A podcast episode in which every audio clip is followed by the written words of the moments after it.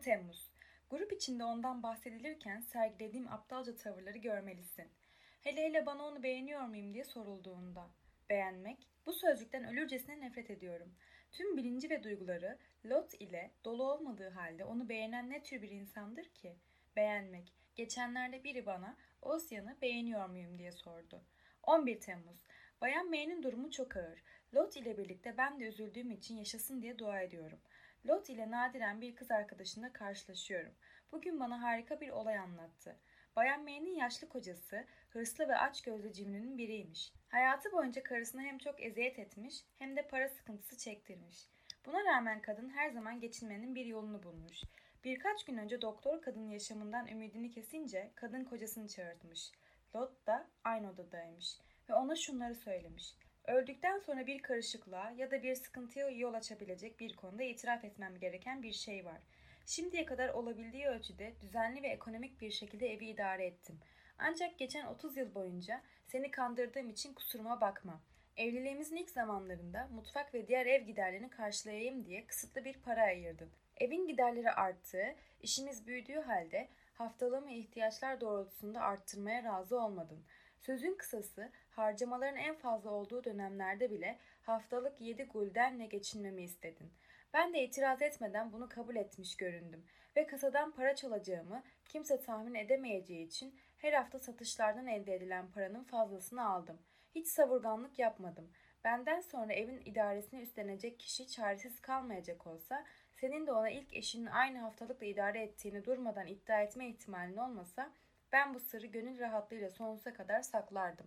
Olanların arkasında bir şey var mı diye kuşku duymayan insan zekasının inanılmaz duyarsızlığı ile ilgili olarak Lot ile sohbet ettik. Masrafların belki iki misli olması gerektiği yerde 7 gulden bir insana yetiyorsa bunun altında başka şeyler aranmalı dedik. Ancak ben bile peygamberin tükenmeyen zeytinyağı çömleğini, alt bilgi, kutsal kitap, eskiye ait 1. Krallar 17. Kitaba devam ediyorum. Şaşkınlığa düşmeden evlerinde bulundurmak isteyecek çok insan tanıdım. 13 Temmuz. Hayır kendimi kandırmıyorum. Onun siyah gözlerine bana ve yazgıma karşı gerçek bir ilgi okuyorum.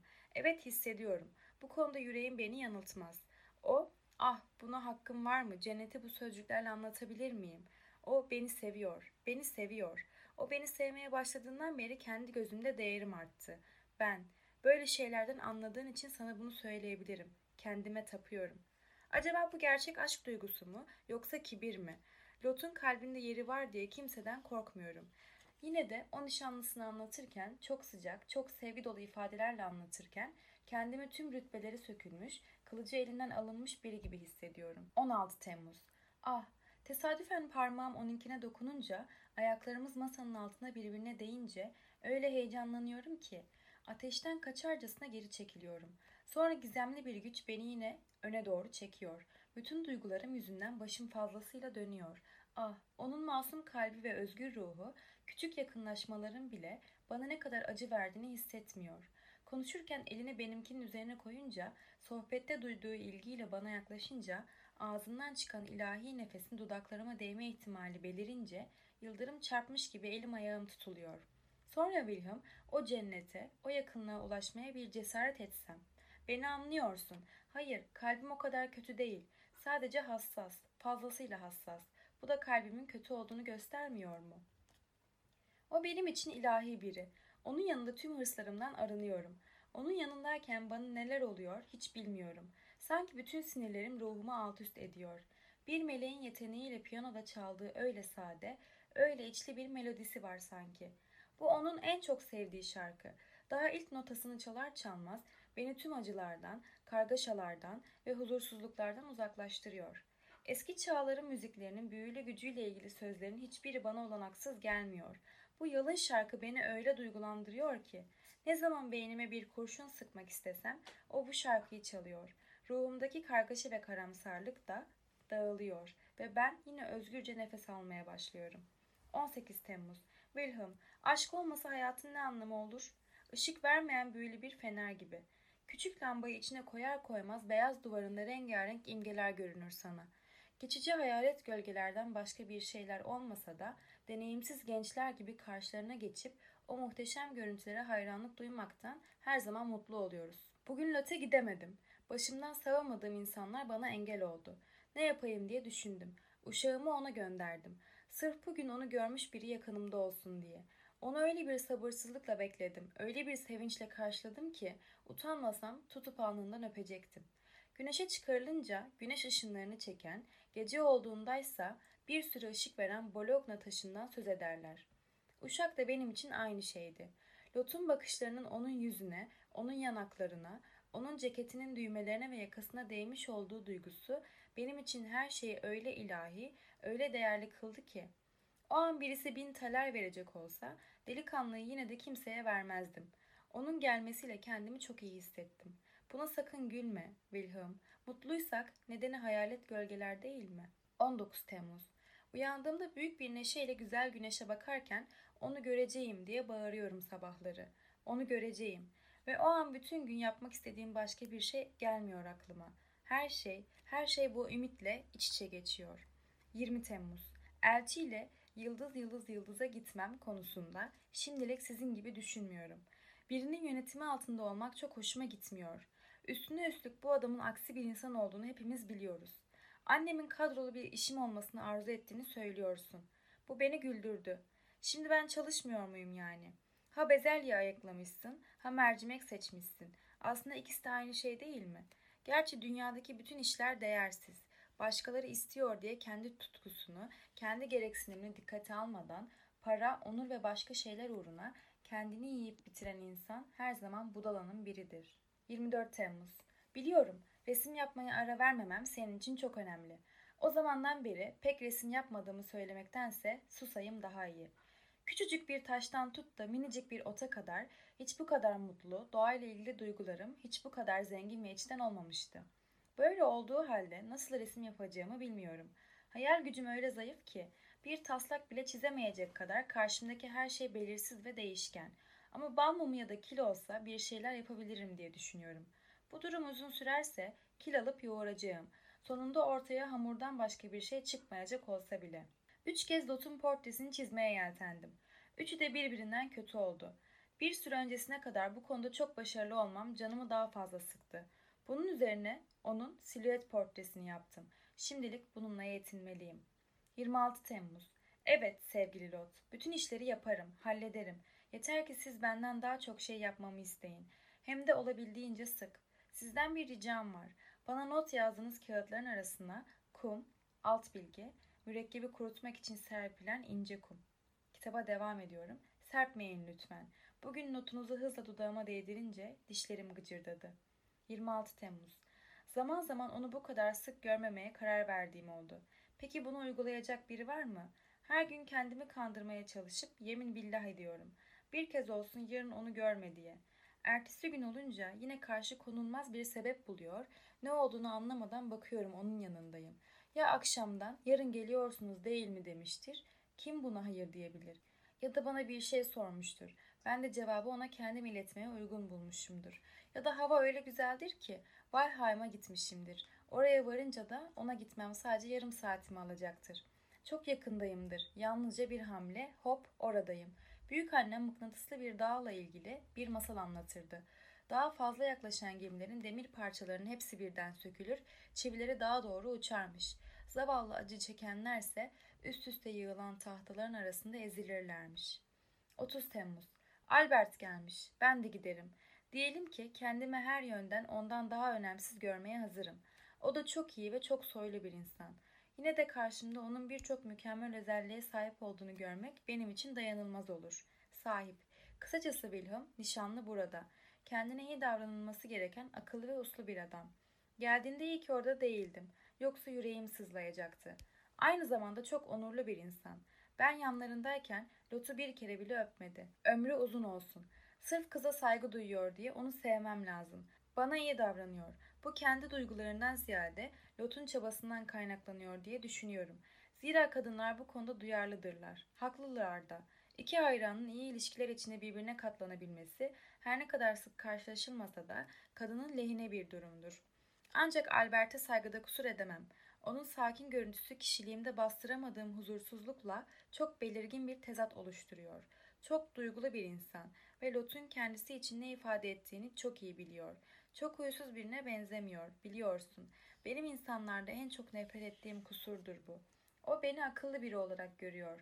Lot'a olan bağlılığım, Lot'un yaptığı her şeyden duyduğum içten sevinç, onun üstünlük duygusunun artmasına ve Lot'u daha çok sevmesine neden oluyor. Acaba ufak tefek kıskançlıklarla zaman zaman onu üzüyorum diye kafa yormuyorum. En azından onun yerinde olsam kendimi bu olumsuz duygudan uzak tutamazdım. Umurumda olan o değil. Lot'un yanındayken duyduğum sevinçten yoksunum artık. Buna aptallık mı yoksa körleşme mi demeliyim? Virat koymak şart mı? Olay kendi kendine anlatıyor zaten. Şimdi bildiğim her şeyi Albert gelmeden önce de biliyordum. Lot'un üzerinde hak iddia edemeyeceğimi biliyordum. Etmedim de. Yani bu kadar güzel bir şey karşısında ümide kapılmamak ne kadar mümkün olabilirse. Ve şimdi şımarık çocuk diğeri gerçekten gelip kızı elinden aldığı için şaşkın durumda. Kendime hakim olmaya çalışıp çektiğim üzüntüyle alay ediyorum. Zaten başka türlü olması olanaksız. Ama durumu olduğu gibi kabullenmem gerek diye düşünebileceklerle daha fazla alay ediyorum. Beni bu korkuluklardan kurtar. Ormanlarda dolaştıktan sonra Lot'a gittiğimde Albert'i küçük bahçedeki ağaçların altında onunla birlikte otururken görünce kala kalıyorum. Aşırı neşeli bir tavra bürünüp bir sürü muziplik ve saçmalık yapmaya başlıyorum. Tanrı aşkına dedi bana bugün Lot. Dün akşamki gibi şeyler anlatmamanızı rica ediyorum sizden. Çok neşeli olduğunuzda korkunç oluyorsunuz. Aramızda kalsın Albert'in işi olduğu zamanları kolluyorum. Hop dışarıdayım. Lot'u ne zaman yalnız bulsam neşem yerine geliyor. 8 Ağustos. Kaçınılmaz yazgıya boyun eğmemizi isteyen insanları katlanılmaz bulduğumu söylerken kesinlikle seni kastetmedim sevgili Wilhelm. Bunu bilmelisin. Senin benzer düşüncelere sahip olabileceğini gerçekten düşünmedim. Aslında sen haklısın ama bir şeyi belirtmem gerek dostum. Hayatta ya öyle ya böyle ile nadiren yol alınıyor. Duygularla davranış biçimleri kemerli burunla yassı burun arasında var olanlar kadar çeşitli. Hem senin bütün gerekçelerine hak verip hem de ya öyle ya böyle arasında kaçamak bir yol ararsam bana kızmamalısın. Lot ile ilgili bir ümidin var mı ya da yok mu diye soruyorsun. Güzel. Birinci durum söz konusuysa ümidini kesme, arzularının gerçekleşmesine çalış. İkinci durum söz konusuysa toparlan ve tüm gücünü tüketen bu sefil duygudan kurtulmayı dene diyorsun. Dostum, söylemek kolay, gerçekleştirmek zor. Sinsi bir hastalığın önlenemez şekilde her geçen gün ölüme yaklaştırdığı bağımsız birinden hançerle işkencesine bir anda son vermesini isteyebilir misin? Gücünü tüketen hastalık aynı zamanda ondan kurtulma cesaretinden de onu yoksun bırakmaz mı? Gerçi benzer bir örnekle bana yanıt verebilirsin. Kararsızlık ve duraksama yüzünden hayatını tehlikeye atmaktansa bir kolunu kaybetmeye yeğlemeyecek biri var mıdır? Bilmiyorum. Neyse örneklerle kafamızı yormayalım. Kısacası evet Wilhelm bazen bir anlığına benim yerimden sıçratıp kendime getiren bir cesarete kapılıyorum. O an nereye gideceğimi bilsem koşa koşa gideceğim. Akşam. Bir süredir ihmal ettiğim güncemi bugün yine elime aldım. Şaşırdım. Oldukça bilinçli olarak hiçbir şeyi atlamadan yazmışım. Her zaman içinde bulunduğum durumu çok net olarak görmüşüm. Ama bir çocuk gibi davranmışım. Şimdi de çok net olarak görüyorum ki iyileşme yolunda en ufak bir belirti bile yok. 10 Ağustos. Eğer ben bir budala olmasam çok iyi, çok mutlu bir hayat sürebilirim. Şimdi içinde bulunduğum kadar bir insanın ruhuna sevinç katacak güzel koşullar kolay kolay bir araya gelmez. Ah, kesin olan şu ki mutluluğumuzdan yalnızca kalbimiz sorumlu. Sevgi dolu bu ailenin bir parçası olmak, ihtiyarın oğlu gibi, çocukların baba gibi sevdiği, tabi Lot'un da sevdiği biri olmak. Sonra iyi kalple Albert de var. Huysuzluk edip mutluluğumu gölgelemiyor. İçten gelen dostluk duygularıyla beni kuşatıyor. Lot'tan sonra en çok sevdiği kişi benim. Wilhelm, gezintiye çıktığımızda birbirimize Lot ile ilgili şeylerden söz ederken bizi dinlemenin bir mutluluk kaynağı olduğunu bir görsen. Bu ilişki eşi benzeri bulunmayacak kadar gülünç olsa da sıklıkla gözlerimi yaşartıyor. Albert, Lot'un iyi yürekli bir insan olan annesinden bana bahsederken ölüm döşeğinde evini ve çocuklarını Lot'a, Lot'u da kendisine emanet ettiğini, ölümden sonra da Lot'un tamamıyla farklı bir hale geldiğini, ev idaresinin sorumluluğu ve ciddiyetiyle gerçek bir anne olduğunu, zamanın bir anını bile sevgi sunmadan, çalışmadan geçirmediğini, bunlara rağmen neşesinden ve coşkusundan hiçbir şey kaybetmediğini anlattı. Ben de o sırada onun yanında yürüyor, yolda çiçek topluyordum. Çiçekleri özenli bir buket haline getirip akıp giden ırmağa attım ve çiçekler sessizce akıntıyla sürüklenirken arkalarından baktım. Albert'in burada kalacağını, çok sevildiği saray tarafından iyi gelire sahip bir göreve getirileceğini sana yazmış mıydım bilmiyorum. Albert kadar işinde disiplinli ve çalışkan birine çok az rastladım. 12 Ağustos Albert'in dünyanın en iyi insanı olduğunu kuşku yok. Onunla aramızda dün tuhaf bir sahne yaşandı. Dağlarda atla bir yolculuğa çıkmak istiyordum. Vedalaşmaya ona gitmiştim. Şimdi de sana dağlardan yazıyorum. Odada bir aşağıya bir yukarıya gidip gelirken Albert'in duvardaki tabancaları dikkatimi çekti. Çıkacağım yolculuk için dedim. Tabancalarını bana ödünç ver. Eğer onları doldurmak zahmetine katlanırsan dedi. Bana göre hava hoş. Ben de öylesine duvarda asıl duruyorlar.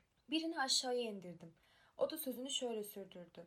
Tedbirli olmak başıma kötü bir iş açtığından beri bu tür şeylerle meşgul olmaktan hoşlanmıyorum. Başına ne geldiğini öğrenmek için merakımı gizlemedim. Tam üç ay diye anlatmaya başladı. Köyde bir dostumda kalmıştım. Yanımda birkaç boş tabanca vardı ve ben huzur içinde uyuyordum. Bir gün yağmurlu bir öğleden sonraydı. Boş boş oturuyordum. Nasıl aklıma geldi bilmiyorum. Saldırıya uğrayabiliriz. Tabancalara ihtiyacımız olabilir. Gerekebilir gibi düşünceler. Senin de başına gelmiştir. Temizleyip doldurursun diye tabancaları uşağa verdim. O da kızlarla şakalaşıp onları korkutmak istemiş. Nasıl olmuşsa Harbi daha namludayken silah ateş almış. Harbi kızlardan birinin sağ elinin baş parmağına isabet etmiş ve kızın parmağı parçalanmış. Böyle olunca hem kızın sızlanmalarına katlanmak hem de tedavi masraflarını üstlenmek zorunda kaldım. O zamandan beri silahların hiçbirini doldurmuyorum. Sevgili dostum, tedbir almak yeterli mi? Tehlikenin sonu yok ki. Gerçi. Şu gerçi sözcüğünü kullanmasalar insanları daha çok seveceğim. Genelleme yapan her cümlenin istisna derdi olduğu bilinen bir şey değil mi? Ama insan kendini böyle savunuyor. Genel ve kısmen gerçek bir şey söylerken lafı biraz aceleye getirdiği düşüncesinde kapılınca sonunda konuyla yakından uzaktan bir alakası kalmayıncaya kadar karşınızda sınır koymayı, değiştirmeyi, önemsiz kılmayı ve eklemeyi sürdürüyor. Albert bu vesileyle gereksiz ayrıntılara girdi. Sonunda onu dinlemeyi bırakıp tuhaf düşüncelere daldım. Kontrol dışı bir hareketle tabancanın namlusunu sağ gözümün üstünde alnıma dayadım. Albert tabancayı elimden alırken aman ne yapıyorsun dedi. Dolu değil ki dedim. Öyle olsa bile ne demek oluyor bu diye sinirli sinirli karşılık verdi. Kendini vuracak kadar bir insanın aptal olabileceğini tasavvur edemem. Sırf düşüncesi bile bende tiksinti uyandırıyor. Siz insanlar dedim. Bir şey hakkında konuşurken hemen şöyle söylemek zorunda hissediyorsunuz kendinizi. Bu aptalca, bu akıllıca, bu iyi, bu kötü. Bütün bunların ne anlamı var? Sırf bunları söylemek için mi bir olayın iç yüzünü araştırıyorsunuz? Onun niçin olduğu, niçin olması gerektiği şeklindeki sebepleri kesinlikle açıklayabiliyor musunuz? Böyle yapsanız yargılarınızda bu kadar aceleci olmazdınız. Hangi sebeple olursa olsun dedi Albert. Bazı olayların her zaman için günah sayıldığı konusunda bana hak vermelisin. Omuz silkerek ona hak verdiğimi ima ettim. Yine de dostum diye devam ettim. Bu konuda bazı istisnalar vardır. Hırsızlığın günah olduğu doğrudur. Ama insan kendini ve yakınlarını o an söz konusu olan ölümcül bir açlıktan kurtarmak için hırsızlık yapıyorsa, merhamet mi yoksa ceza mı görmeli? Kendini aldatan karısını ve onu baştan çıkaran alçığı haklı bir öfkeyle öldüren adama ilk taşı kim atacak? Alt bilgi. Kutsal kitap Yeni Ahit Yuhanna 8. Kitaba devam ediyorum. Haz dolu bir anda aşkın önüne geçilmez. Mutluluklarıyla kendinden geçen kıza kim taş atacak? Bu durumda kanunlarımız o soğukkanlı bürokratlar bile duygulanır. Ceza vermekten kaçınırlar. Bu çok farklı bir şey diye karşılık verdi Albert. Çünkü tutkuların esiri olan bir insan düşünce gücünü tamamen yitirdiği için bir alkolik, bir deli muamelesi görür. Ah size akıllı insanlar dedim gülümseyerek. Tutku, sarhoşluk, delilik, empati kurmadan orada öyle rahat rahat oturun. Alkolüyü eleştirin. Aklını kaçırmıştan nefret edin. Bir rahip gibi yanından geçip gidin ve sizi onlardan biri yapmadığı için ferisi gibi Tanrı'ya şükredin. Alt bilgi. Yeni ait Luka 10. Kitaba devam ediyorum. Ben birçok kez sarhoş oldum. Tutkularım delilikten hiç uzak değildi. Her ikisinden de pişman değilim. Zira olanaksız görünen önemli şeyler yapan ve eskiden beri alkolik ve deli diye damgalanan tüm sıra dışı insanları kendi ölçülerimle anlamayı öğrendim. Ama az çok özgür, soylu, beklenmedik bir iş yapan, hemen hemen herkesin arkasından şöyle söylendiğini duymak sıradan yaşamda bile katlanılmazdır. Bu insan alkolik, bu insan deli. Utanın siz ayıklar, Utanın siz akıllılar. Bunlar yine senin kuruntuların dedi Albert. Her şeyi abartıyorsun. Şu anda konumuz olan intiharı önemli olaylarla karşılaştırmakla en azından haksız olduğun kesin. Çünkü bunu zayıflıktan başka bir şey olarak görmek olanak dışı. Zira sıkıntılarla dolu hayata dirençle katlanmaktansa ölmek elbette daha kolay. Tartışmayı kesmeye hazırdım. Ben çok içten duygularla konuşurken başkasının konuya anlamsız beylik sözlerle yaklaşması kadar beni çileden çıkaran bir şey yoktur. Sık sık duyduğum bu sözler genellikle canımı sıkmasına rağmen kendimi tutup heyecanımı fazla bastıramayacak olarak şöyle söyledim. Buna zayıflık mı diyorsun? Lütfen görüntünü seni yanıltmasına izin verme. Bir despotun dayanılmaz boyunduruğu altında inleyen bir halka zayıf diyebilir misin? Sonunda ayaklanıp zincirlerini kırıyorsa, bir insanın alevler evini sarmışsa, korkudan tüm gücü harekete geçer ve başka zaman hiç kaldıramayacağı yükü kolaylıkla kaldırır. Gördüğü hakaretin öfkesiyle altı kişiye birden saldırıp onları alt eden birine zayıf denir mi? Bir de dostum, eğer çaba güç demekse duygusal gerilim niçin bunun tersi olsun? Albert bana bakarak şöyle dedi. Bana kızma ama verdiğin örnekler konuyla hiç alakalı görünmüyor. Olabilir dedim. Bağlantı kurma tarzımın bazen gevezelik sınırına dayandığı konusunda sık sık eleştirilmişimdir. Hayatın aslında tatlı sıkıntılardan kurtulmaya karar veren bir insana acaba değişik bir açıdan bakmak mümkün mü diye bakalım. Zira yalnızca empati kurduğumuzda bir konuyla ilgili olarak konuşabilme onuruna sahibiz. İnsan doğası diye sürdürdüm konuşmamı. Sınırlı, sevinç, üzüntü, acıya belli bir dereceye kadar katlanabiliyor ve bunun üstüne çıkınca mahvoluyor. Burada sorun birinin zayıf ya da güçlü olması değil. İster psikolojik, ister fiziksel olsun, duyduğu üzüntünün miktarına tahammül edebilmesi ya da edememesi. Bana göre yüksek ateşten ölen birine korkak demek ne kadar uygunsuzsa, yaşamına son veren biri korkaktır demek o kadar saçma. Saçma, çok saçma dedi Albert. Senin düşündüğün kadar değil diye karşılık verdim. Ölümcül bir hastalıktan, alt bilgi, kutsal kitap, yeni ait, Yuhanna 11. Kitaba devam ediyorum. Söz edersek bana hak vereceksin. Bu yüzden bir insanın fiziksel güçleri kısmen tükenir. Onu kısmen çalışamayacak duruma getirir. Yaşamının sıradan akışını yeniden tesis edecek şanslı bir dönüşümün olmaması yüzünden tekrar ayağa kalkamaz. Şimdi dostum, bunu bir de düşünsel yönüyle ele alalım. Şimdi dostum, bunu bir de düşünsel yönüyle ele alalım. İzlenimlerim üzerindeki etkisini, fikirlerin kendisinde oluşması bakımından kendi sınırlı durumu içindeki bir insanı ele alalım. Ta ki sonunda gittikçe büyüyen bir tutku, onun tüm sağlıklı düşünme yeteneğini elinden alıp mahvına neden olsun. Huzurlu ve akıllı bir insanın talihsiz bir insanın durumunu kavraması, ona cesaret vermeye çalışması boşuna çaba. Bir hastanın başında duran sağlıklı birinin sahip olduğu fiziksel gücün biraz ne olsun ona geçirememesi gibi. Albert için bunlar çok genel şeylerdi. Kısa bir süre önce ölüsü ırmakta bulunan bir kızı hatırlattım ona. Kızın başına neler gelmiş olabileceğini anlattım. Ev işleriyle uğraşarak haftalık belli işleri yaptığı bir ortamda büyüyen böyle genç, böyle güzel bir kızın zar zor edindiği süslü bir giysiyi giyip pazar günleri akranlarıyla kente gezintiye çıkmaktan, olsa olsa bütün önemli şenliklerde bir kirecik olsun dans etmekten, ayrıca bir kavga veya kötü bir dedikoduyla ilgili olarak çok içten gelen merakı ve bütün canlılığıyla komşu kadınlarla çene çalmaktan başka bir eğlence ümidi yoktur. Onun ateşli doğası erkeklerin iltifatlarıyla artan içsel gereksinimlerini sonunda duyumsar. Önceden zevk aldığı şeyler zamanla tatsızlaşır. Ta ki bir erkekle karşılaşıncaya kadar. Bilmediği bir duygu dayanılmaz biçimde onu bir erkeğe çeker. Tüm ümitlerini ona bağlar. Etrafındaki dünyayı unutur. Ondan başka hiçbir şey duymaz, görmez, hissetmez. Yalnızca onu özler, yalnızca onu. Boş eğlencelerle vakit geçiren hercai bir kız olmadığından arzusu onu doğrudan amacına odaklar. Eksikliğini duyduğu mutluluğun tümüne sonsuz bağla ulaşmak, özlemini duyduğu tüm sevinçlerin hepsini birden tatmak ister. Tüm ümitlerinin gerçekleşeceği teminatını veren birçok vaat, dayanılmaz arzularını çoğaltan cesaretli okşamalar tümüyle ruhunu sarar. Bulanık bir mantıkla tüm sevinçlerin ön sezisiyle ruhu dalgalanır ve heyecanı doruğa çıkar. Tüm arzularını kucaklasın diye kollarını açtığı anda sevgilisi onu terk eder. Dona kalır. Uçurumun başında hiçbir şey hissetmeden durur. Etrafındaki her şey karanlığa bürünür. Ne bir ümit, ne bir avuntu, ne bir sezgi vardır. Çünkü yaşadığını hissettiği an erkek onu terk etmiştir. Önündeki geniş dünyayı görmez. Kaybettiğini yerine geçebilecek birçok şeyi görmez. Kendini yalnız hisseder. Onu bütün dünya terk etmiştir. Yüreğindeki büyük boşluk yüzünden köşeye sıkışmış halde kör gibi tüm dertlerine etrafını saran ölümle son versin diye uçuruma atlar. Görüyorsun ya Albert, bazı insanların başına böyle şeyler gelebilir. Söyle bakalım, bu bir hastalık durumu değil mi? Karmaşık ve aykırı güçlerin labirentinden bir çıkış yolu bulamıyorsa insan ölmeli. Bunları bilip şunu söyleyebilene yazıklar olsun. Aptal kız, bekleseydi, zamanın en iyi ilaç olduğunu bilseydi, ümitsizliği yatışır, kendini teselli edecek bir başkasını bulur. Birinin çıkıp şunu söylemesi de aynı anlama gelir. Aptal adam, yüksek ateşten öldü.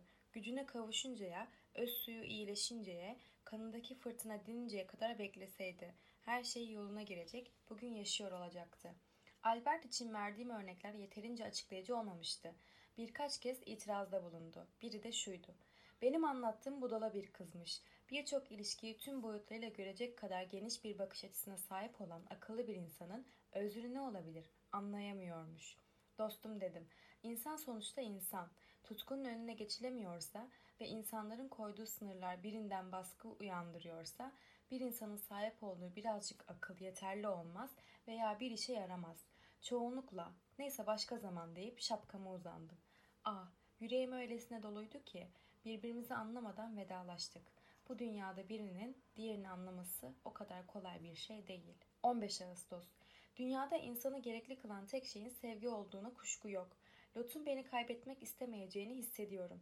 Çocuklarının da her zaman bir sonraki gün onlara gitmemden başka bir istekleri yok. Lot'un piyanosunu akort etmek için bugün oraya gitmiştim. Ama bir türlü fırsat olmadı. Zira çocuklar onlara masal anlatayım diye ısrar ettiler. Lot da onların arzusunu yerine getirmemi istedi. Akşam yemeği için çocuklara ekmek dilimledim. Bu sefer dilimlerini benden de Lot'tan aldıkları kadar memnuniyetle aldılar. Onlara bir masalın en önemli bölümü olan eller tarafından beslenen prensesin hikayesini anlattım. Alt bilgi Mary Katerina Jumel Berbelle'nin La Chat de Blanche başlıklı masalından bir epizod.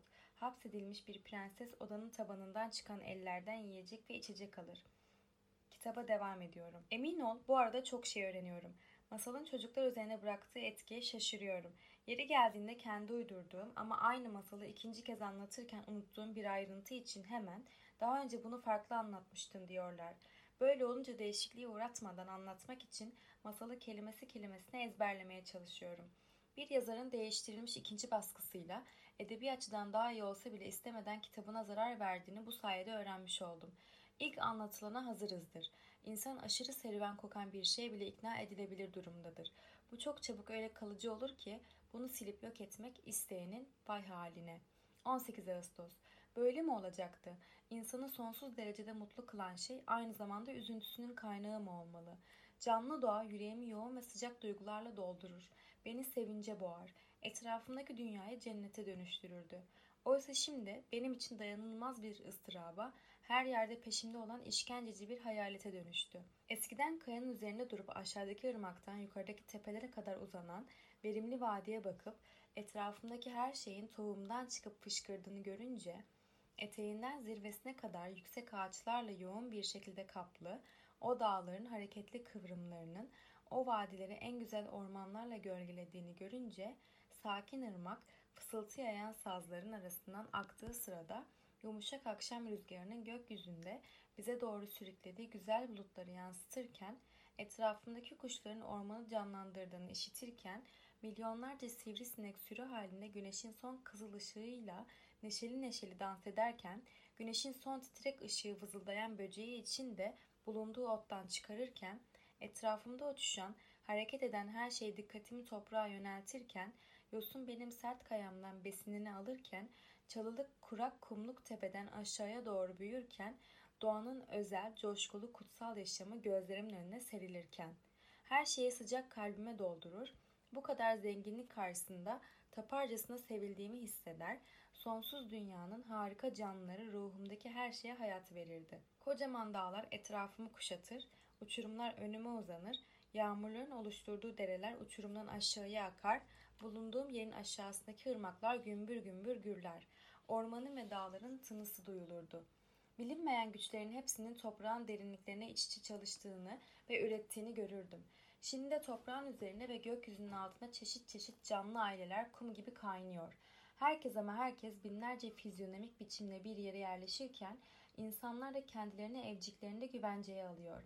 Birbirlerini sevip kolluyor ve kendi tarzlarında dış dünyaya hakim oluyorlar. Zavallı budala, sen çok küçüksün. Bu yüzden de her şeye çok dar bir pencereden bakıyorsun.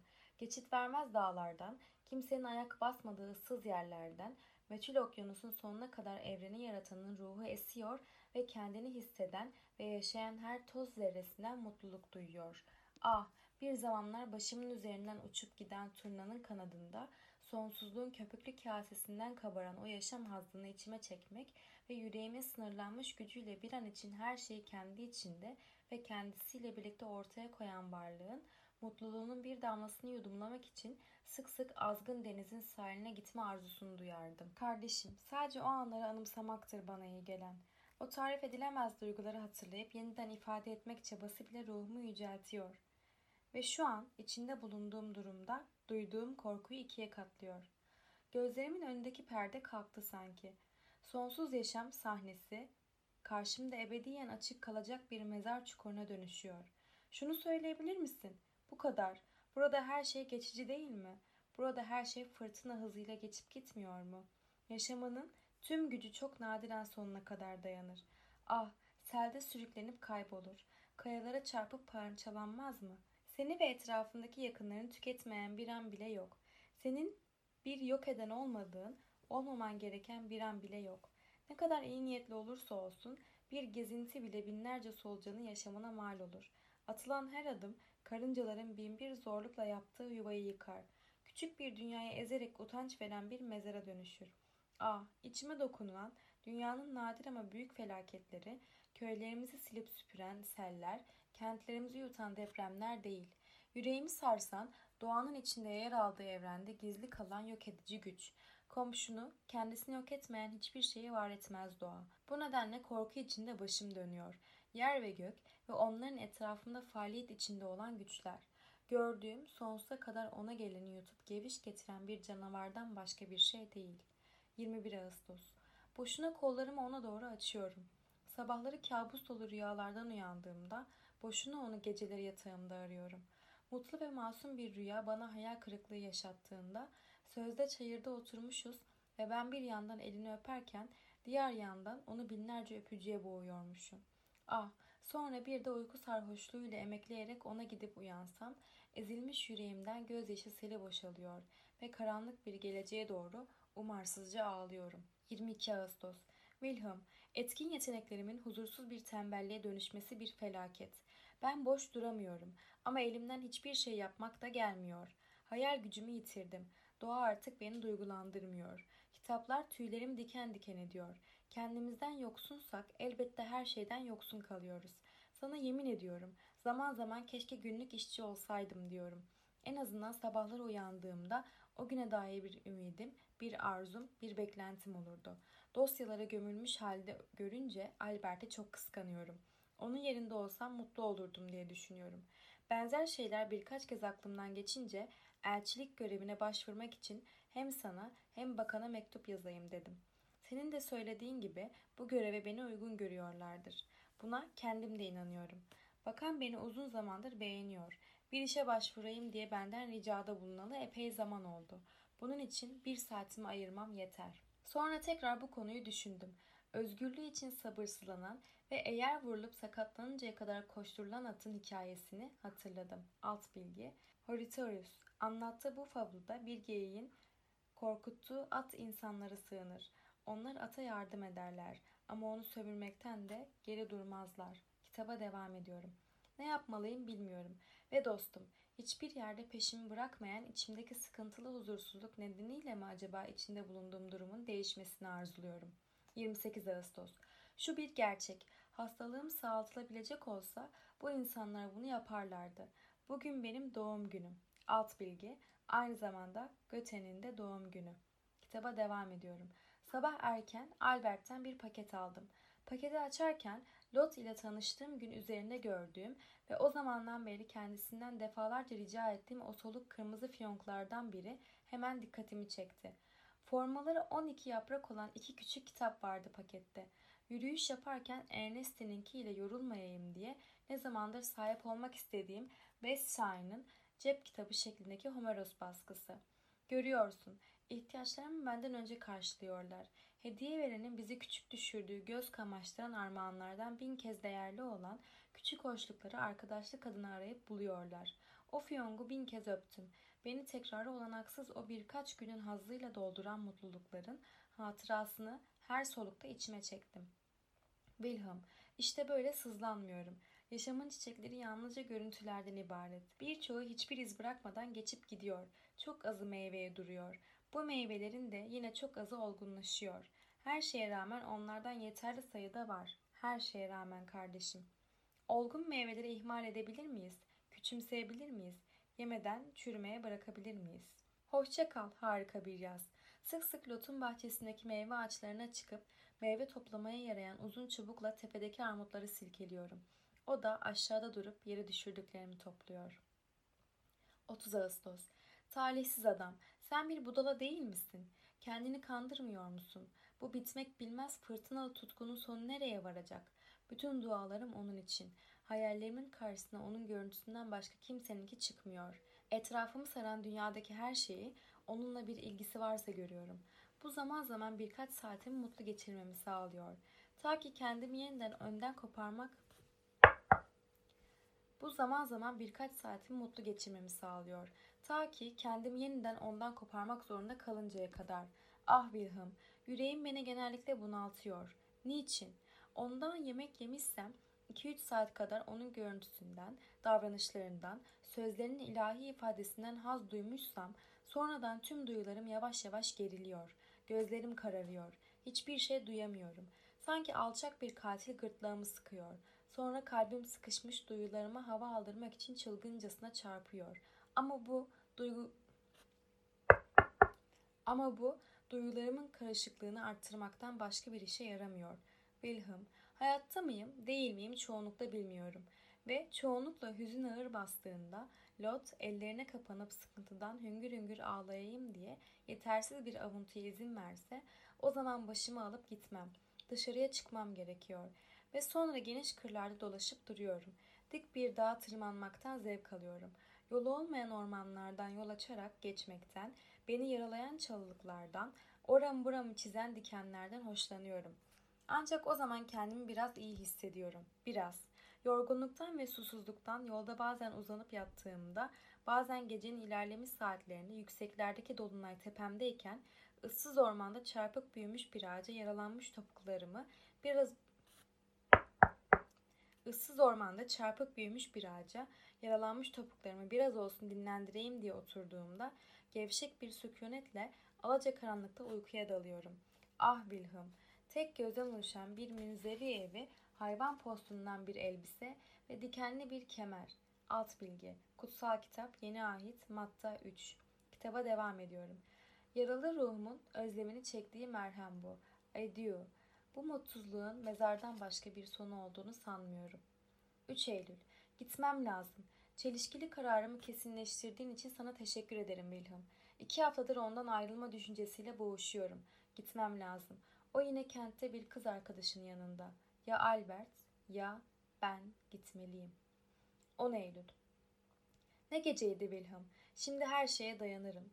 Onu bir daha görmeyeceğim. Ah dostum, boynuna sarılabilsem, binlerce gözyaşı ve heyecanla kalbimi saran duygularımı anlatabilsem sana. Burada oturmuş soluk almaya, kendimi yatıştırmaya çalışıyor, sabah olmasını bekliyorum. Gün doğarken atlar hazır olacak. Ah, o sakin sakin uyuyordur. Beni bir daha görmeyeceği aklından bile geçmiyordur. Ondan ayrılmam zor oldu. İki saatlik sohbet sırasında planımı açığa vurmayacak kadar gücümü topladım. Tanrım ne sohbetti ama. Albert yemekten sonra Lot ile bahçede olacağını söylemişti bana. Terasta yüksek kestane ağaçlarının altında durup güzel vadinin ve sakin ırmağın yukarısından benim için son kez batan güneşe baktım. Onunla burada defalarca durmuş, yine böyle bir muhteşem manzarayı seyretmiştim.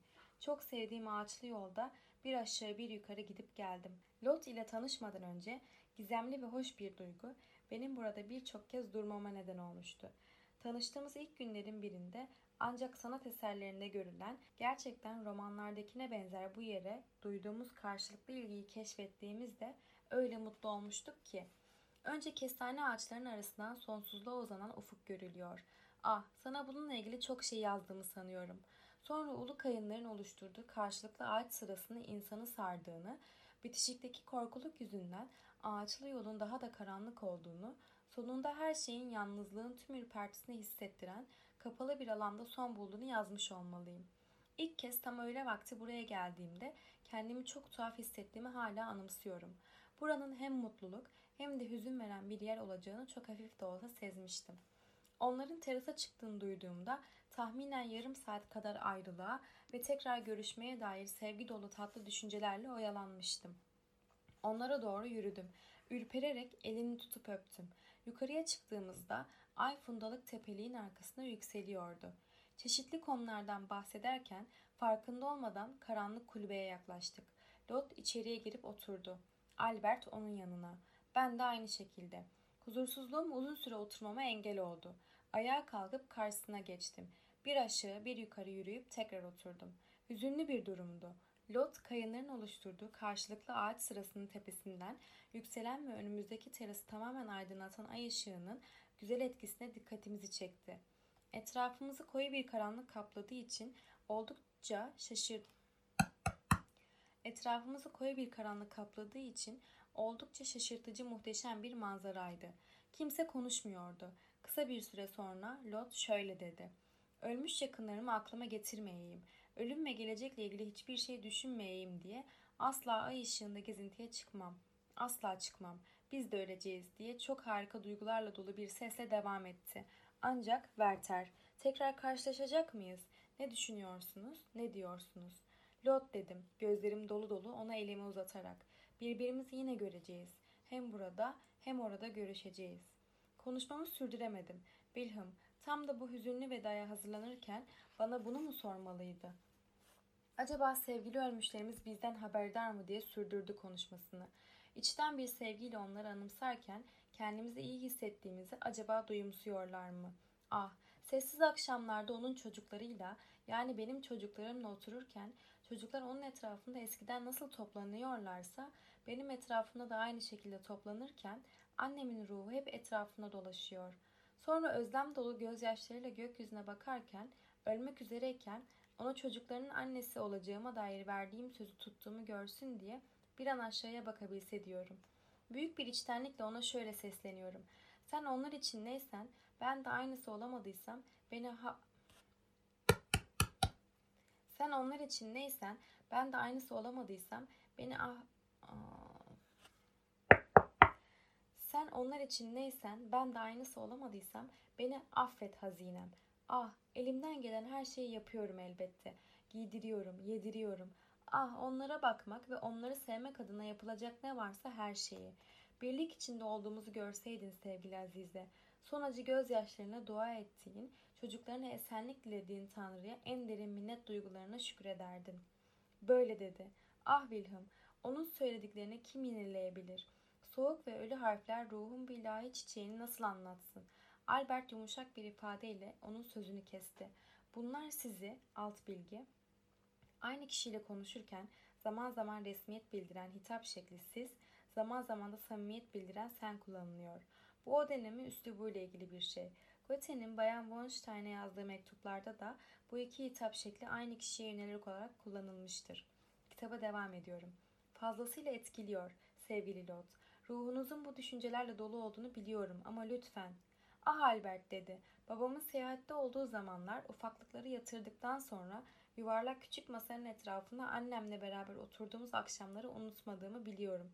Senin elinde genellikle güzel bir kitap olurdu ama biraz olsun okumaya vakit bulamazdın.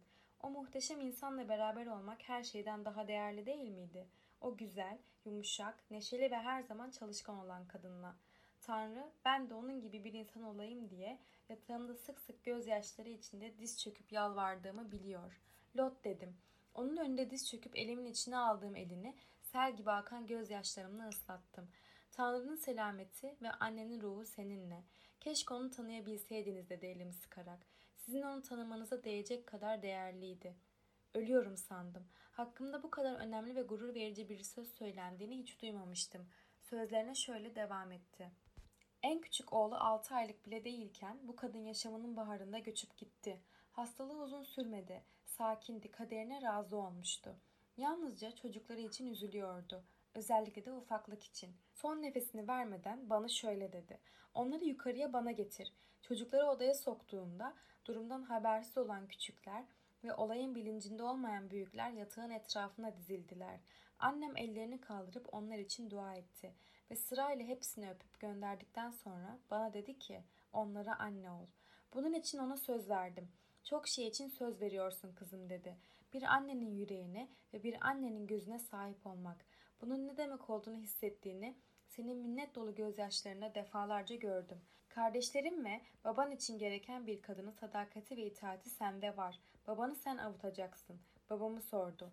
Babam hissettiği katlanılmaz yazgıyı bizden gizlemek için dışarıya çıkmıştı. Adam çok perişan bir durumdaydı. Albert, sen de odadaydın. Duyduğu ayak seslerinin kime ait olduğunu sormuş, seni yanına çağırtmıştı. Mutlu olduğumuz, beraber mutlu olacağımız için güven dolu huzurlu bir ifadeyle bir sana bir bana bakmıştı. Albert boynuna sarılarak Lot'u öptü ve şöyle dedi. Mutluyuz, mutlu olacağız. Her zaman sakin olan Albert hiç kendinde değildi. Ben de aynı şekilde. Werther diye söze başladı Lot. Bu kadın ölmeli miydi? Tanrım, yaşamındaki en sevgili varlığı başkalarının taşımasına insan nasıl katlanıyor diye zaman zaman düşünüyorum. Yine de siyah giysili adamların anneciklerini mezara taşımasından ötürü uzun zaman üzüntü duyan çocuklar kadar bunu kimse derinden hissedemez. Lot ayağa kalktı. Duygulanmış ve sarsılmıştım. Oturduğum yerden elini tuttum. Gidelim dedi. Zamanıdır. Elini çekmek isteyince daha sıkı tuttum. Yine görüşeceğiz dedim. Karşılaşacağız. Her tür canlının bulunduğu yerde birbirimizi tanıyacağız. Gidiyorum diye sözüme devam ettim. Gönüllü gidiyorum ama sonsuza kadar desem buna dayanamam. Hoşça kal Lot, hoşça kal Albert. Tekrar görüşmek üzere. Yarın herhalde diye karşılık verdi şakayla karışık. Yarın olacakları hissediyordum. Ah, elini benimkinden çekerken bilmiyordu. Ağaçlı yoldan geçerek gittiler. Ayağa kalkıp ay ışığında arkalarında baktım. Kendimi yere atıp hüngür hüngür ağladım. Ayağa fırlayıp terasa çıktım. Oradan aşağıdaki ulu ıhlamur ağaçlarının gölgesinde bahçe kapısına doğru ilerlerken onun beyaz elbisesinin ışıltısını gördüm. Kollarımı açtım ve elbise görünmez oldu. İkinci kitap 20 Ekim 1771 Dün geldik buraya. Rahatsızlığından dolayı elçi birkaç gün evden çıkamayacak. Aslında bu kadar huysuz olmasa hiçbir sorun yaşanmayacak. Farkındayım. Yazgımın beni zor sınavlardan geçirdiğinin farkındayım. Yine de cesareti elden bırakmamak gerek. Ciddiye almayınca her şeye katlanılır. Ciddiye almamak mı? Nasıl oldu da kalemimden böyle bir söz döküldü? Bu beni güldürür ancak. Ah, birazcık kaygısız olmak. Beni şu güneşin ışıdığı dünyada insanların en mutlusu yapardı. Ne diyorum ben? Başkaları birazcık çaba ve yetenekle karşıma geçip sıkılmaktan uzak bir kendini beğenmişlikle çalım satarken ben kendi çabamdan ve yeteneğimden mi kuşkulanıyorum? Bana her şeyi bağışlayan güzel Tanrım. Niçin verdiklerinin yarısını geri alıp bana özgüven ve yeterlilik duygusu vermedin ki? Sabret, sabret. Her şey daha iyi olacak. Sana hak verdiğimi mi söylüyorum dostum? İnsanların ne yaptıklarını, nasıl çalıştıklarını her gün aralarında gezip gördükten sonra kendimle daha barışık hale geldim. Çünkü her şeyi kendimizle, kendimizle herkesle karşılaştıracak şekilde yaratılmışız bir kere. Bundan dolayı mutluluk ve hüznümüz bağlı olduğumuz şeylerden etkileniyor kuşkusuz. Bu durumda en tehlikeli şey de yalnızlık. Doğası gereği kendini aşmaya zorlanan, edebiyatın fantastik imgeleriyle beslenen hayal gücümüz kendimizin en aşağıda bulunduğu bir dizi varlığı sıraya koyuyor. Dışımızdaki her şey daha güzel. Bizden başka herkes daha mükemmelmiş gibi görünüyor ve bu çok doğal bir akış içinde gerçekleşiyor.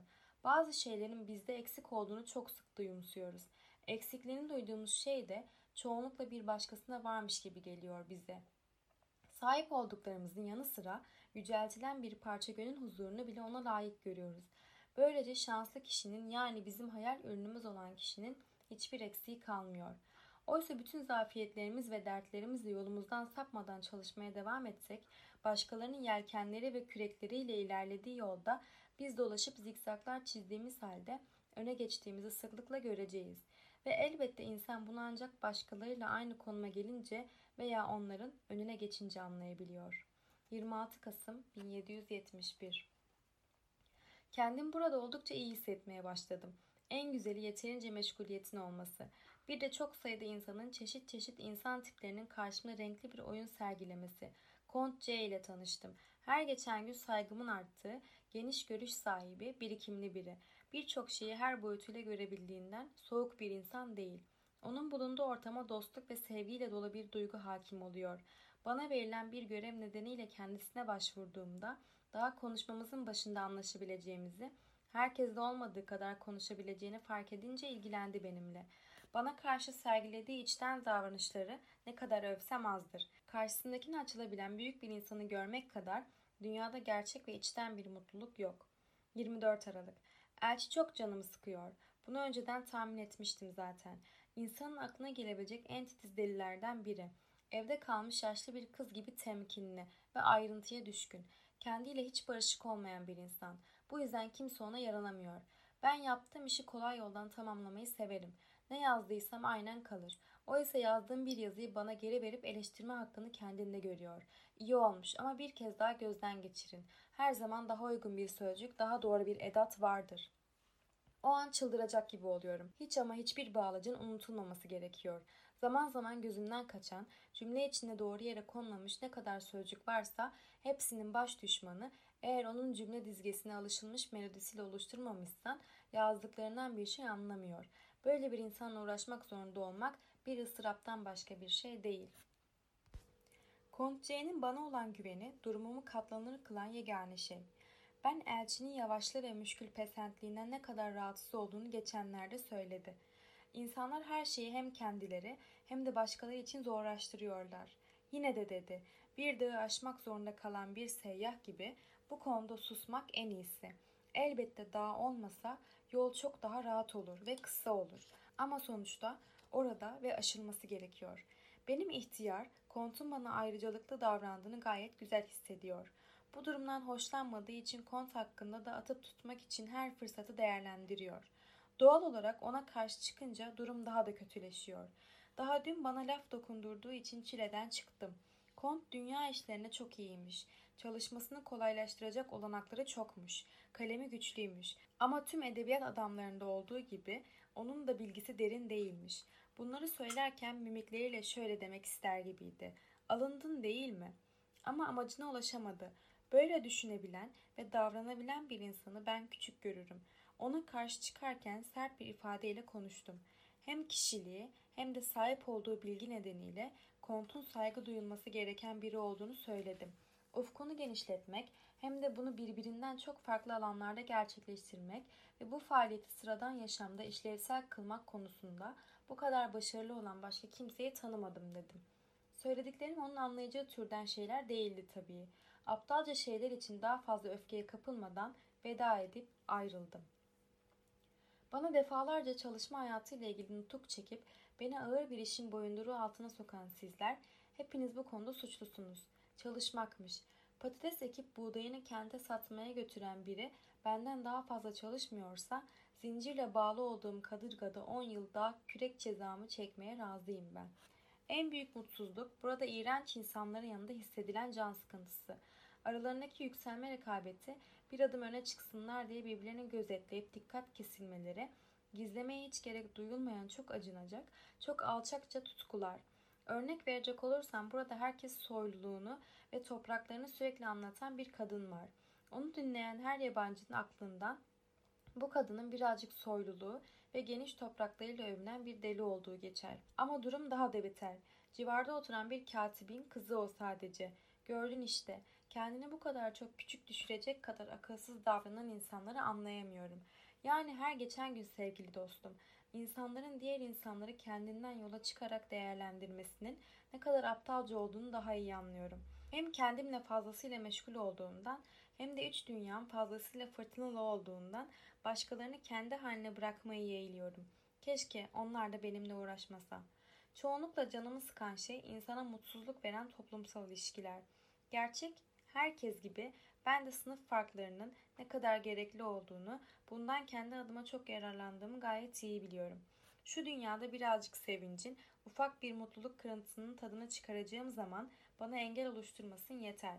Geçenlerde yaptığım bir gezinti sırasında Bayan Von B ile tanıştım. Resmiyete dayalı şu hayatta doğallığını fazlasıyla korunmuş sevimli biri. Sohbet ederken birbirimizden hoşlandık. Vedalaşırken kendisini ziyaret edebilmek için izin istedim.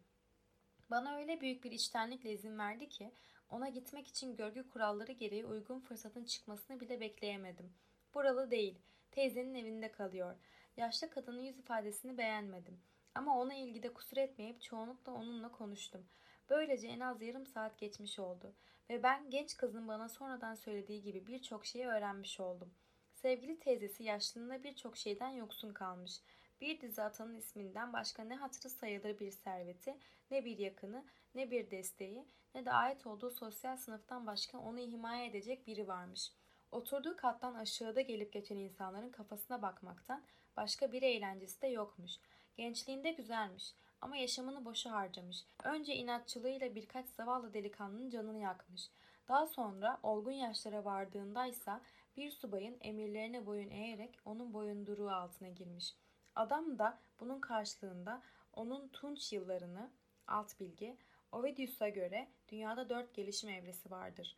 Altın, gümüş, tunç ve demir çağı.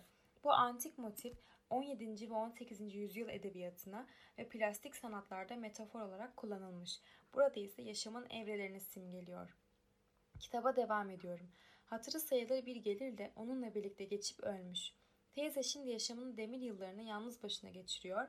Bu kadar sevimli bir yeğeni olmasa kimseden en ufak bir saygı göreceği de yok. 8 Ocak 1772 Yaşamını resmi toplantılarla geçiren, ziyafet sofrasında bir sandalye öteye geçmek uğruna yıllarını harcayan ne çok insan var. Başka işleri olmadığından değil. Hayır, terfi ile ilgili küçük sıkıntılarla uğraşmaktan, önemli olanlar arka plana itilince işler çoğunlukla üst üste yığılır.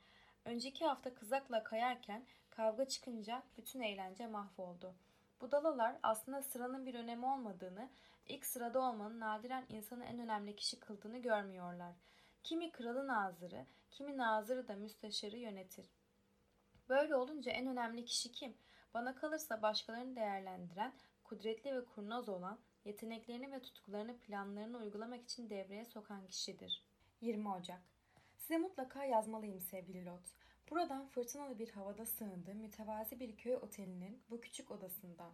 Kasvetli bir yer olan D'de yabancıların arasında ruhuma uygun olmayan insanların arasında dolaşırken size yazmam için yüreğimden bir an olsun bir ses yükselmemişti. Oysa şimdi bu kulübede, bu yalnızlığın içinde, bu kısıtlı ortamda kar ve dolu küçük penceremi döverken aklıma ilk gelen siz oldunuz. İçeriye girmemle sizin hayaliniz, sizin hatıranız her yanımı kapladı. Ah Lot, öyle ilahi, öyle sıcak, güzel tanrım. Yine ilk seferki o mutlu an. Beni görseniz hazinem, dalgınlık girdabı içindeyim. Duygularım ölmüş gibi. Bir anlığına bile olsa yüreğimde ne bir heyecan ne de bir saat süren bir coşku. Hiçbir şey, hiçbir şey. Sanki bir hayal dürbününden bakıyorum. Küçücük adam ve beygirlerin gözümün önünden geçip gittiğini görüyor. Acaba bu bir optik yanılsama mı diye kendime sık sık soruyorum. Oyuna katılıyorum. Daha doğrusu benimle bir kukla gibi oynanıyor. Zaman zaman yanımdakinin tahta eline dokunuyor, ürkerek geri çekiliyorum. Akşamdan güneşin doğuşunu seyredeyim dediğim halde sabah yataktan çıkmıyorum. Gündüzden ay ışığını görünce mutlu olmayı umduğum halde akşam odamdan dışarıya çıkmıyorum. Niçin yataktan çıktığımı, niçin yatağa girdiğimi tam olarak bilmiyorum. Yaşamımı hareketli kılan mayalı hamurdan yoksunum. Gece yarıları beni canlı tutan, sabahları beni uykudan uyandıran dürtüden yoksunum. Burada tek bir hanımla tanıştım. O da Bayan Bombe. Size benziyor sevgili Lot. Size benzemek ne kadar mümkün olabilirse tabii. Aa diyeceksiniz. Adam ne hoş iltifatlarda bulunuyor. Yalan sayılmaz. Bir süredir oldukça naziyim. Zira başka türlü olması mümkün değil. Çok nükteli konuşuyorum. Hanımlar benden başka kimsenin bu kadar zarif iltifat etmeyi, yalan söylemeyi de buna ekleyiniz. Çünkü yalansız olmaz anlıyor musunuz? Bilmediğini söylüyorlar. Bayan B'den bahsediyordum. İnce ruhu ifadesini tam olarak mavi gözlerde bulan biri. Kimsenin içinden geldiği gibi yaşamasını onaylamayan bir sosyal sınıfa mensup olması onu bunaltıyor. Kalabalıktan kaçma özlemi içinde bazen kırlardaki katıksız mutlulukla ilgili hayaller kuruyoruz. Ah, bir de sizinle ilgili hayaller. Çoğunlukla sizinle ilgili anlattıklarımı dinlemek zorunda kalıyor. Aslında zorunda demek doğru değil. Kendisi istiyor. Sizinle ilgili bir şeyler duymaktan hoşlanıyor. Sizi seviyor. Ah, o güzel rahat odacıkta dizinizin dibinde otursam. Sevgili küçüklerimiz etrafında hep beraber yuvarlansalar. Siz gürültüden bunaldığınızda heyecanlı bir masalla onların etrafında sessizce toplanmalarını sağlasam. Kardan pırıl pırıl parlayan yörede gün batımı muhteşem. Fırtına dindi. Bense kendimi yine kafesime kitlemeliyim. Adieu. Albert yanınızda mı? Nasıl? Bunu sorduğum için Tanrı beni bağışlasın. 8 Şubat. Havanın bir haftadır berbat olmasından şikayetim yok. Zira buraya geldiğimden beri güneşli tek bir gün bile geçmiyor ki biri bana zehir etmesin, huzurumu kaçırmasın. Ne zaman bardaktan boşanırcasına yağmur yağsa, tipi olsa, don olsa, karlar erise. Evet diyorum, evde olmak dışarıda olmaktan daha kötü olamaz. Ya da tam tersi böylesi daha iyi. Sabahleyin güneş doğarsa gün güzel geçecek demektir. O zaman kendi kendime şöyle demekten kendimi alamıyorum. Yine insanların birbirlerini zehir edecekleri güzel bir gün. Birbirlerine zehir etmedikleri hiçbir şey yok zaten. Sağlık, itibar, sevinç, dinlenme. Bunun sebebi çoğunlukla ahmaklık, düşüncesizlik ve sıkıntı. Ama onları dinleseniz çok iyi niyetliler. Bu kadar çılgınca ruhlarını öfkeye kaptırmasınlar diye neredeyse onlara yalvaracağım geliyor. 17 Şubat. Benim elçi ile ben birbirimize daha uzun süre katlanamayacağız diye korkuyorum. Adamın tahammül edilir yanı yok. Onun çalışma tarzı ve işleri yürütme biçimi öyle gülünç ki bir işi kendi kafama ve kendi tarzıma göre yapıp ona karşı çıkmaktan kendimi alamıyorum. Doğal olarak o da bunu onaylamıyor. Bununla ilgili olarak beni geçenlerde saraya şikayet etmiş. Bakan sert olmamakla birlikte bana bir uyarıda bulundu. Tam istifamı vermek üzereyken yüce soylu, bilgi dolu içeriğine diz çökerek saygı gösterisinde bulunduğum özel bir mektup aldım ondan. Fazlasıyla derin hassasiyetimi eleştiriyor, çalışmayla ilgili, başkalarını etkilemeyle ilgili, işlere nüfuz etmeyle ilgili abartılı fikirlerime, gençliğe özgü kendine güven olarak saygı duyuyor, fikirlerimi yok etmeye değil yumuşatmaya, gerçekten gerekli oldukları, etkin bir biçimde kullanılabilecekleri bir alana yönlendirmeye çalışıyor.